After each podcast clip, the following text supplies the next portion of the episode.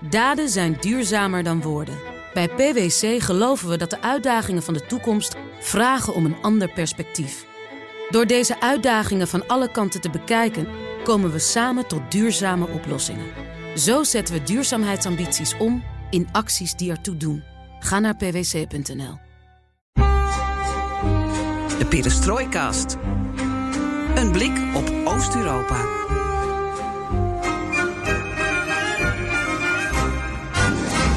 In aanloop naar de Amerikaanse presidentsverkiezingen volgen wij de relatie van de Verenigde Staten vanuit ons blikveld met de regio van de Perestroikast. En daar hebben we steun van. En steun voor van Isa Yusibov. Geopolitieke steun de komende weken. En je hoorde hem de eerste aflevering. Het ging uh, over de band, de oorsprong van de band tussen Trump en Moskou.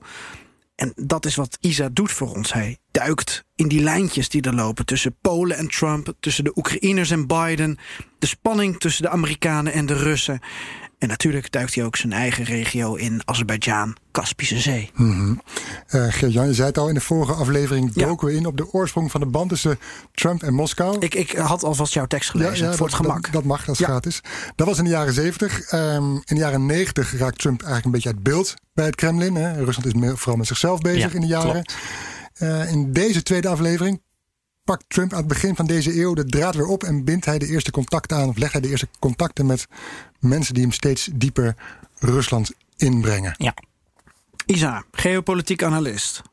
Uh, en heel veel andere dingen, zoals we de vorige keer hebben besproken. Je bent ook fan van schaken. En was je nou ook fan van katten? Uh, ja, ja, ja, precies. Ja, dat moeten we dan niet, niet, vergeten. Ja, hij kan, hij kan ook Caucasisch koken. Of jouw familie, dat is uh, iets voor een andere rubriek. voor de perestroikaas rubriek.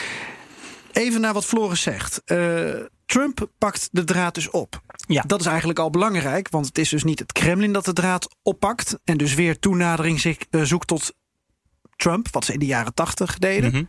Maar het is dus andersom. Ja, uh, ja wat Floris al zei. Uh, Rusland was toen vooral met zichzelf bezig, met de economische crisis en dergelijke. En de Sovjet-Unie was net uit elkaar gevallen. Um, het land was niet echt rijk.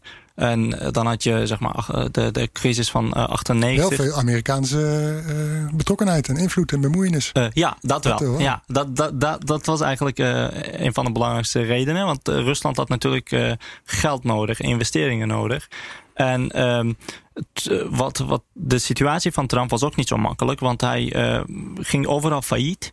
En de Amerikaanse banken waren op een gegeven moment ook een beetje huiverig voor, voor krediet en leningen uh, voor, voor zijn businesses, omdat, um, omdat hij gewoon mislukt was.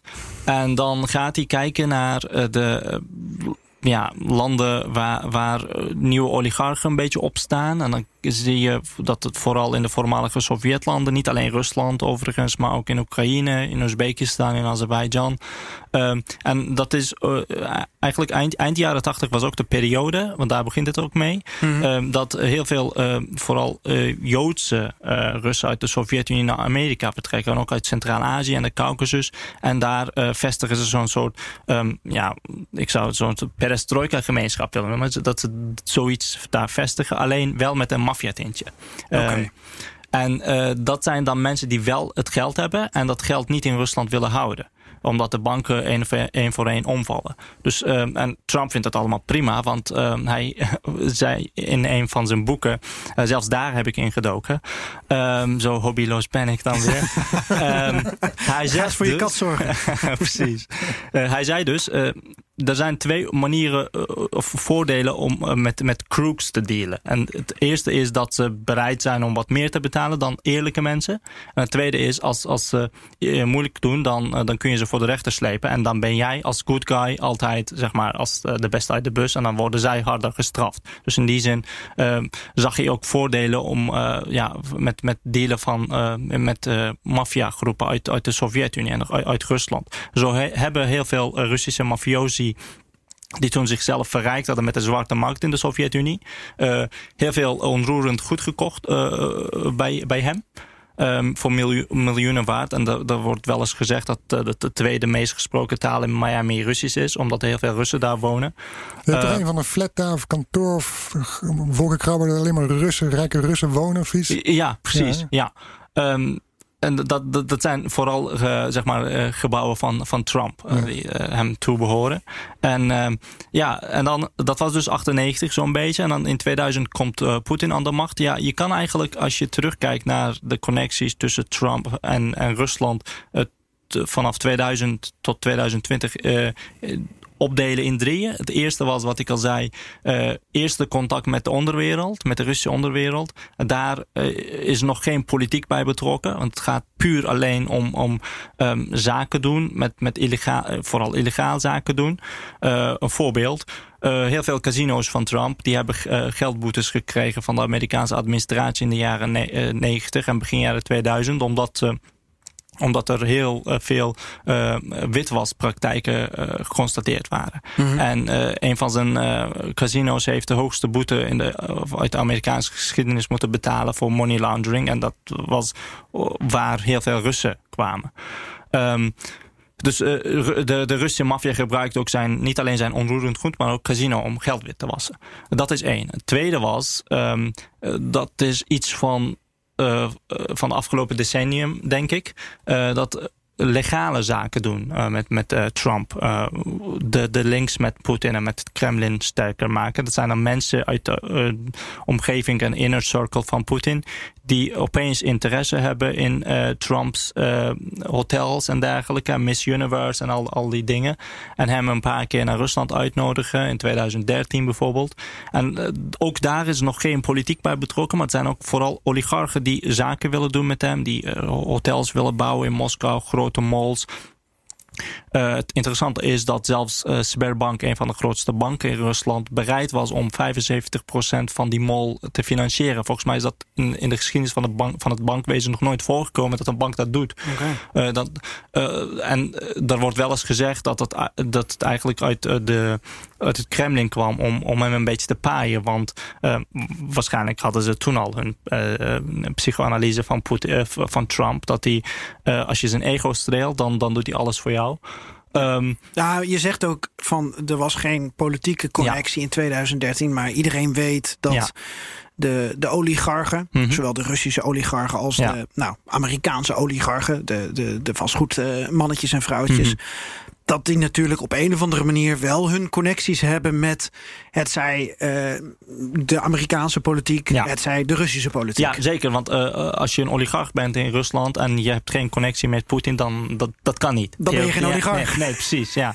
en, de baas van die Sberbank, dan toen, ik weet of het nu, althans nu, is, is er ook, komt ook regelmatig bij Poetin over de vloer, toch? Uh, ja, ja. Dus dat zijn ook wel. Ja, en het, het, op dat moment had je ook heel veel ja, een soort van zakelijke connecties van politici. Bijvoorbeeld uh, Tillerson, die deed dan in de jaren 2010. Tillerson is de baas van... Dat was ExxonMobil en de ja. oud-minister van, van Buitenlandse Zaken. Die precies. door Trump redelijk snel eruit is gegooid. Ja, uh, hij deed zaken met Rosneft bijvoorbeeld. Zelfs nog bekroond is Tillerson. Uh, ja, precies. Ja. Mm -hmm. Um, dus dat, dat, dat, zo, zo liepen de lijntjes. En uh, wat ik interessant vond is dat bijvoorbeeld uh, Poetin vooral uh, rijke zakenmannen uit zijn naaste omgeving gebruikte waarschijnlijk om, om contact te leggen met, met Trump. Want um, in een van de rapporten van Christopher Steele, de voormalig MI6-agent in Rusland, hij vermeldt dat, dat de contacten met het Kremlin, dat eigenlijk het besluit van het Kremlin om Trump alweer naar voren te schuiven begonnen is in 2014. Mm -hmm. Dus um, dat, uh, en, maar dat er daarvoor bepaalde voorbereidingen waren. Uh, en op een gegeven moment, uh, ja, ik, ik weet niet hoe dat is gegaan, maar ja, toen, toen in juni 2015 was het volgens mij dat hij zijn kandidatuur had aangekondigd. Met precies dezelfde bewoordingen als in 1988, als het gaat over buitenlandpolitiek. Ja, en dan zie je zo van opeens verschuift het van, van, uh, van business, uh, al dan niet legaal, uh, naar, naar politieke lijntjes. En dan wordt het pas veel interessanter, denk ik. Want dat is het, het moment in 2015, dan denkt het Kremlin, nu moet een stap naar voren zetten. ja, ja ik denk dat, dat het ook te maken had met het feit dat ze enorm ontevreden waren met Obama. Mhm. En uh, ook bang waren dat de Hillary Clinton uh, die lijn zou uh, doorzetten. Mhm. En het gaat dan vooral om ehm, zaken die Rusland zouden raken. Dat zijn dan de economische sancties vanwege de annexatie van Krim. Want Rusland heeft heel vaak geprobeerd om de Trump-administratie daarvan te overtuigen dat de sancties opgegeven moeten worden. Mhm. En ze hebben zelfs een rapport um, besproken met het transition team voordat zij aan de macht kwamen überhaupt. Ja. Om uh, uh, in ruil voor, voor vrede in Oekraïne. Uh, dat, dat, Amerika, dat Trump zou beloven dat de sancties opgeheven zouden worden. Maar dat is, dat is niet, niet veel van gekomen. Staat dat ook in een document, in een archief? Ja, ja, ja. ja. Oké. Okay. Um, Dit is allemaal gefaald. Is, is niet die plan, dat plan van hoe heet die? Nou ja, ga in detail. Maar... Cohen en Page, die hebben, die, ja. Ja, het, het, Zo mooi. Jij zegt dat plan en hij noemt er een naam bij. Ja, ja. Dat is, uh, ja, weet je waar je het over het hebt. Was, het was kennelijk voorbereid in, in Rusland. En het is dan via de, de, Amerika of de Russische ambassadeur en dan de politieke adviseurs. Uh, want Carter Page, uh, heet hij volgens mij, was toen foreign policy advisor van Trump. En die heeft in Rusland gewerkt. Die heeft zaken gedaan met Rosneft en Gazprom. Uh, en ook de discutabele zaken gedaan in, uh, toen hij in Rusland zat. Heeft hij, bepaalde dingen heeft hij ontkend, maar, uh, maar goed. Um, nou, dat vredesplan uh, mislukte. Um, mm -hmm. Maar tegelijkertijd was het ook belangrijk dat je ziet dat heel veel mensen om Trump heen, die nu allemaal weg zijn, uh, op de een of andere manier uh, te maken hadden met Rusland. Bijvoorbeeld um, uh, een van die namen die ik niet onvermeld wil laten is Michael Flynn. Ja, hij was, hij, hij was directeur van, van de Defense Intelligence Agency onder oh, Obama. Ja, tuurlijk, ja. En dan, dan werd hij, um, want voordat hij, uh, want Trump wilde hem eigenlijk zijn running mate maken. Hij is in ieder geval gekomen. En dan op een gegeven moment wordt hij zijn uh, National Security Advisor. Um, maar kennelijk uh, had de FBI, dat is echt interessant, dat FBI hield dus de Russische ambassade in Washington in de gaten. En ze, ze krijgen te horen dat Michael Flynn via een geheime lijn belt met Sergei Kislyak. Dat is de ambassadeur in, in Washington. En um, zo kwam, komen ze erachter dat, dat Flynn dus onvermeld de contacten heeft met, met de Russische autoriteiten om uh, iets te bespreken. En op een gegeven moment heeft zelfs uh, de zoon van uh, Trump voorgesteld om via beveiligde lijnen binnen de ambassade met elkaar te spreken. Maar dat werd afgewezen door de Russische ambassadeur. en dan zie je dat bijvoorbeeld als uh, Muller, toen Muller met zijn, met zijn onderzoek begon, dat allemaal namen, die, bekende mensen in, van, van zijn transition team en zijn administratie, allemaal op de een of andere manier uh, zakelijke of politieke uh, con contacten bleken te hebben met, met, uh, ja, met denk Putin. aan Paul. Manafort bijvoorbeeld. Ja, precies. Um, Paul Manafort is, uh, ik vind ja, een, van, een van de belangrijkste personen in, uh, in, in die circle. Omdat, die, uh, omdat zijn contacten ook teruggaan tot Yanukovych en daarmee ook Poetin. Want hij was uh, ook campaign manager van Yanukovych. En voordat hij in 2016 hetzelfde werk ging doen voor, voor, um, voor Trump. Vind je het goed als we één stap teruggaan? Mm -hmm. Ja. Want in de vorige aflevering, toen zei je 1984 kreeg het Kremlin voor het eerst uh, Trump serieus in het vizier. Of Ja. sorry, de, de, de geheime dienst, Mhm. hè? Uh, de KGB toen. Ja. Al eerder wisten ze van zijn bestaan, maar toen pas besloten ze een soort van werk te maken van hé, hey, we hebben interesse in jou, uh, even een lijntje Ja. opengooien. Mm -hmm. Dan heb je het over 2015, dat er dus 31 jaar na het starten van die lijn, Mm -hmm. dus pas, pas dan echt serieus werk wordt gemaakt van uh, Trump en de politiek ingaan. En echt Ja. president worden. Ja. En dat is alleen maar omdat ze zo fed up met Obama waren. Ze zagen, ze zagen dus echt een bedreiging in, in, in het uh, establishment dat Ja. toen in het Witte Huis zat. En alles eromheen. Ja, klopt. En ook uh, Dat heeft dus 31 jaar geduurd. Ja, ik, ik vind het gewoon een dat fascinerend ja. gedachtegoed. Ja, dat, eh, nou, ik, eh, ik niet. omdat, omdat eh, ja, dat is gewoon de werkwijze van de KGB geweest. Het, zeg maar, Opbouwen, opbouwen, opbouwen. Ja, precies. En uh, dat, dat zei Kalugin ook in een van zijn interviews. Er, waren mensen, bijvoorbeeld uh, Michael Foot, dat, hij was heel lang leider van de, van de Arbeidersbond in het Verenigd Koninkrijk. Ze hebben hem ook 30, 40 jaar gefinancierd als leftist. En op een gegeven moment was hij uh, kandidaat tegen Margaret Thatcher als leider van de Labour Party. Mhm. Dus de oppositieleider van, de, van het Verenigd Koninkrijk was eigenlijk een KGB-asset. Ja. Ehm, dus dat, dat hebben ze ook in, in, in Amerika dus, geprobeerd. Verenigd Koninkrijk. Ja, mhm. want um, eigenlijk uh, de contacten, uh, wat, ik, wat ik zei in begin 2000 uh, met, met de Russische maffia, dat was ook een beetje. Ik, ik, weet zeker dat het niet zonder toestemming van Poetin was. bijvoorbeeld als je bijvoorbeeld naar de biografie van Alexander Litvinenko kijkt. Hij zegt daar expliciet een paar namen die. Uh, in Amerika zaken hebben gedaan met Trump. Dat, die, uh, dat zijn dan uh, Vorvo Zakoni, dat zijn voor, voor Russisch sprekenden, die zullen het wel begrijpen. Dat zijn mafiosi die in de gevangenis bekender worden. Zo'n ja. zo'n netwerk opbouwen. Um, een paar tattoos op hun vingers uh, laten zetten. ja, precies. Uh, zij waren dus, uh, zij, zij hadden contacten met, met, met Poetin. En Litvinenko schreef dat toen Poetin nog hoofd van FSB was, dat hij zaken deed met mafiosi uit Centraal-Azië om opium en heroïne uit Afghanistan en Oezbekistan via Rusland naar Europa te exporteren.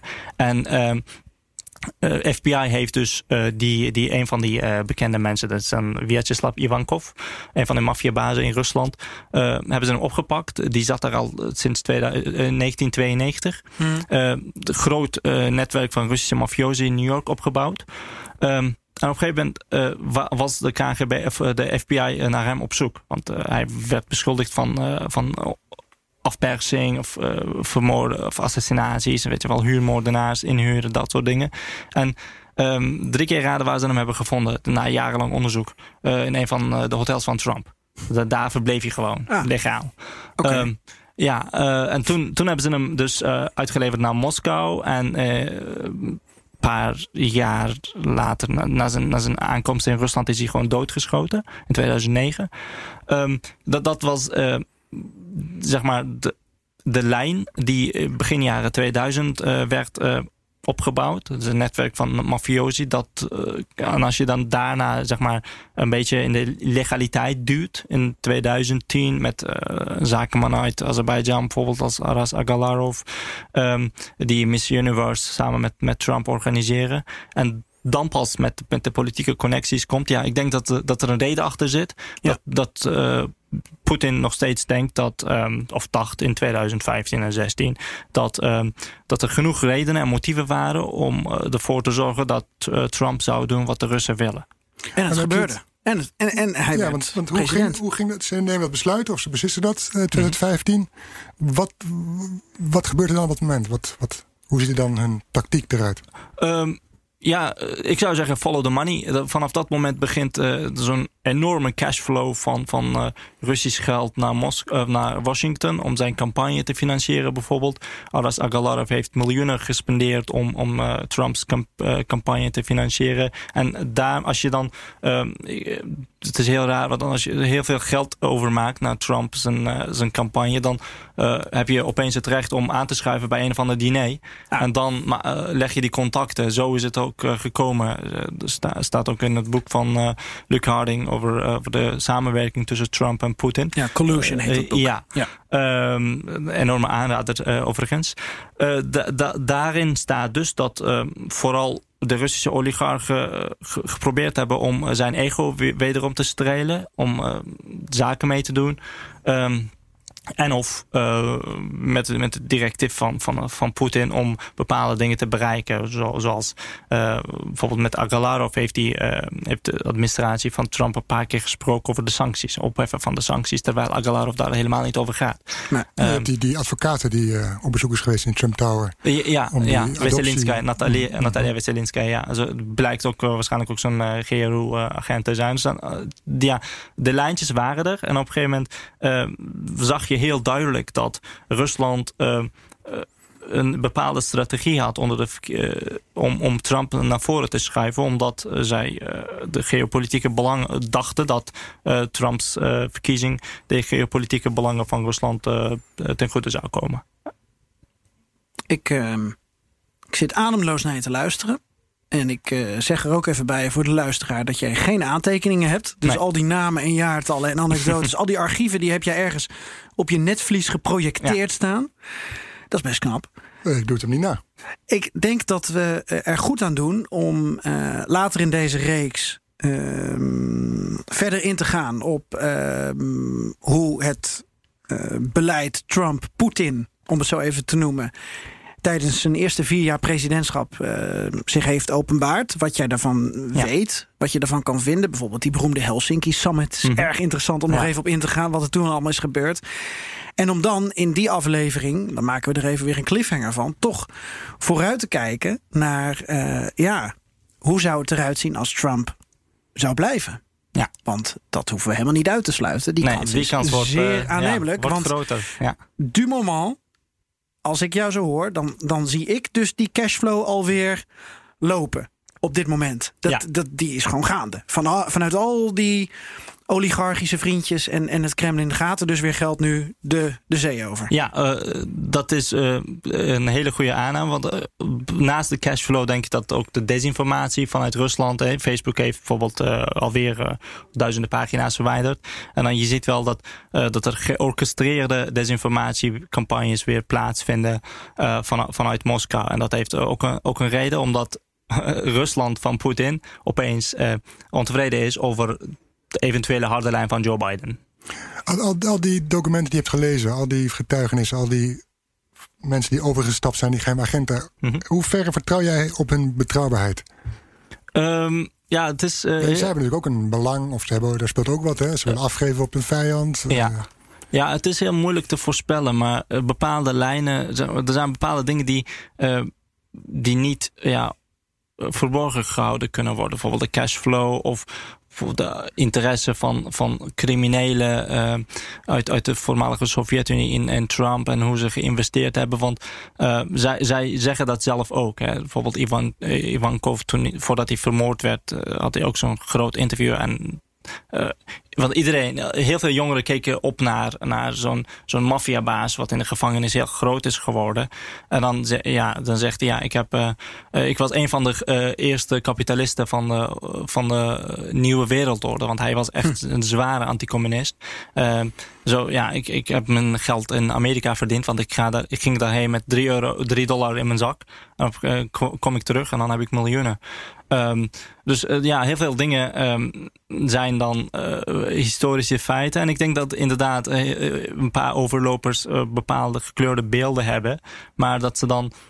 dat kun je dan ook toetsen met, met archieven van, van andere mensen. Want al die KGB-overlopers die hebben elkaar op de een of andere manier altijd zo'n beetje meegemaakt. Dus je kunt bepaalde dingen vrijwel meteen uitsluiten. Of te zeggen van hé, hey, dit dit lijkt me wel, uh, wel een redelijke aanname. Mm -hmm. Nou, vanuit die kennis uh, gaan we door met uh, volgende afleveringen met jou bespreken. We gaan het hebben over Trump en Polen bijvoorbeeld. Ja. Dat wordt heel interessant. De rol mm -hmm. van de NAVO natuurlijk. en die band tussen Trump en, en huidig president Duda, Duda is heel ja. warm.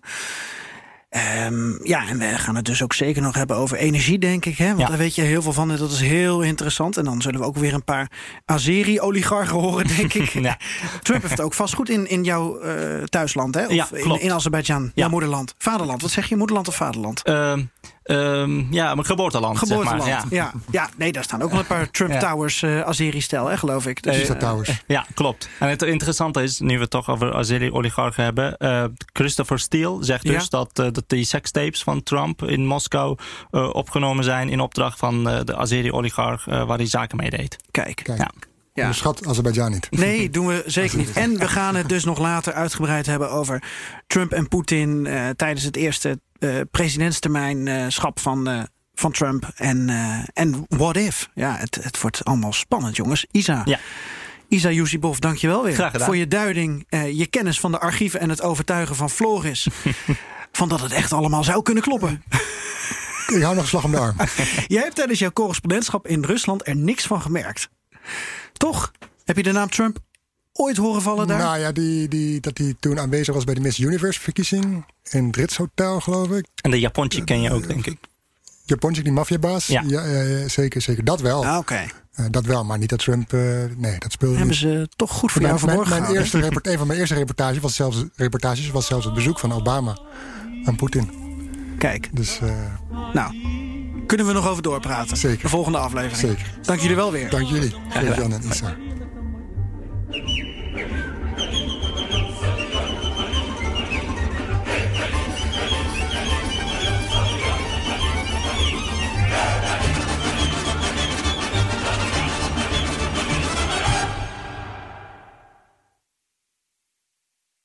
Daden zijn duurzamer dan woorden. Bij PwC geloven we dat de uitdagingen van de toekomst vragen om een ander perspectief. Door deze uitdagingen van alle kanten te bekijken, komen we samen tot duurzame oplossingen. Zo zetten we duurzaamheidsambities om in acties die ertoe doen. Ga naar pwc.nl.